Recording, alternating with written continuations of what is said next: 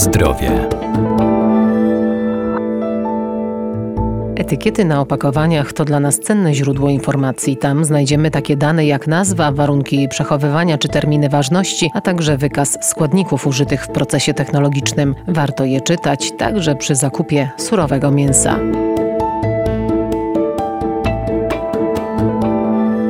Przy zakupie mięsa luzem warto dokładnie obejrzeć dany asortyment. Oznakowanie świeże mięso informuje nas, że to surowiec, który nie został poddany żadnemu procesowi poza chłodzeniem czy mrożeniem i tak oznakowane nie może zawierać przypraw i substancji dodatkowych. Na etykietach powinny być uwzględnione nie tylko nazwa żywności, ale również wykaz tych wszystkich składników, które zostały użyte do wytworzenia danego produktu. Agnieszka Jarosińska, Wojewódzki Inspektorat Jakości Handlowej Artykułów Rolno-Spożywczych w Lublinie powinna być podana ilość netto żywności, nazwa i adres firmy, która produkuje dany wyrób. Jeżeli chodzi o przetwory mięsne, kraj pochodzenia. Świeże mięso nie może zawierać żadnych dodatków ani substancji dodatkowych i nie może być poddane żadnym procesom technologicznym, jedynie chłodzeniu i mrożeniu. Może być również pakowane próżniowo lub w atmosferze ochronnej. I na etykiecie mięsa świeżego musi być dodatkowo wyszczególniony kraj chowu i kraj uboju zwierząt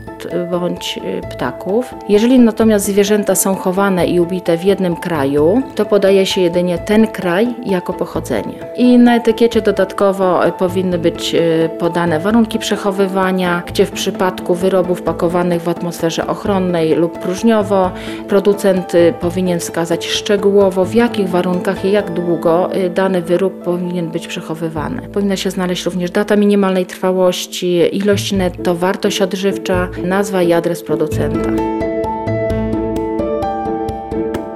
Na zdrowie.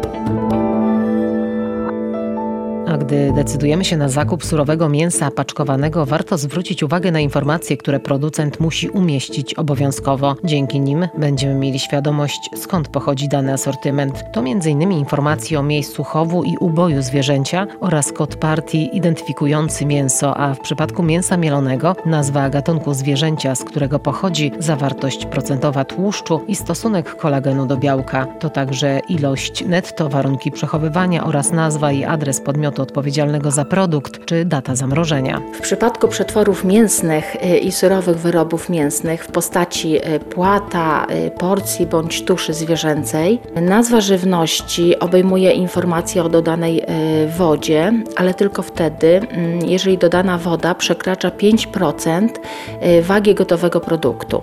W tym przypadku informacja o dodanej wodzie powinna znaleźć się zarówno w nazwie produktu, jak i w wykazie składników. Nazwa przetworów przetworów mięsnych oferowanych do sprzedaży y, w formie jednego dużego kawałka, a faktycznie powstałych przez sklejenie y, mniejszych fragmentów mięsa, y, oczywiście za pomocą innych składników, powinna być uzupełniona określenie, że jest to produkt z połączonych kawałków mięsa. Stosowanie w tym przypadku nazw takich jak szynka czy polędwica wprowadza konsumenta w błąd co do konsystencji produktu, ponieważ te wędliny sugerują konsumentowi, że ma do czynienia z wyrobem o y, całkowitej zachowanej strukturze tkankowej wyprodukowanej z jednego kawałka.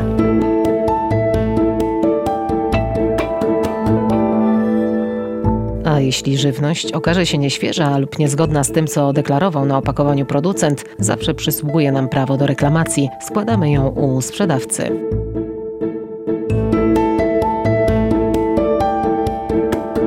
Na zdrowie.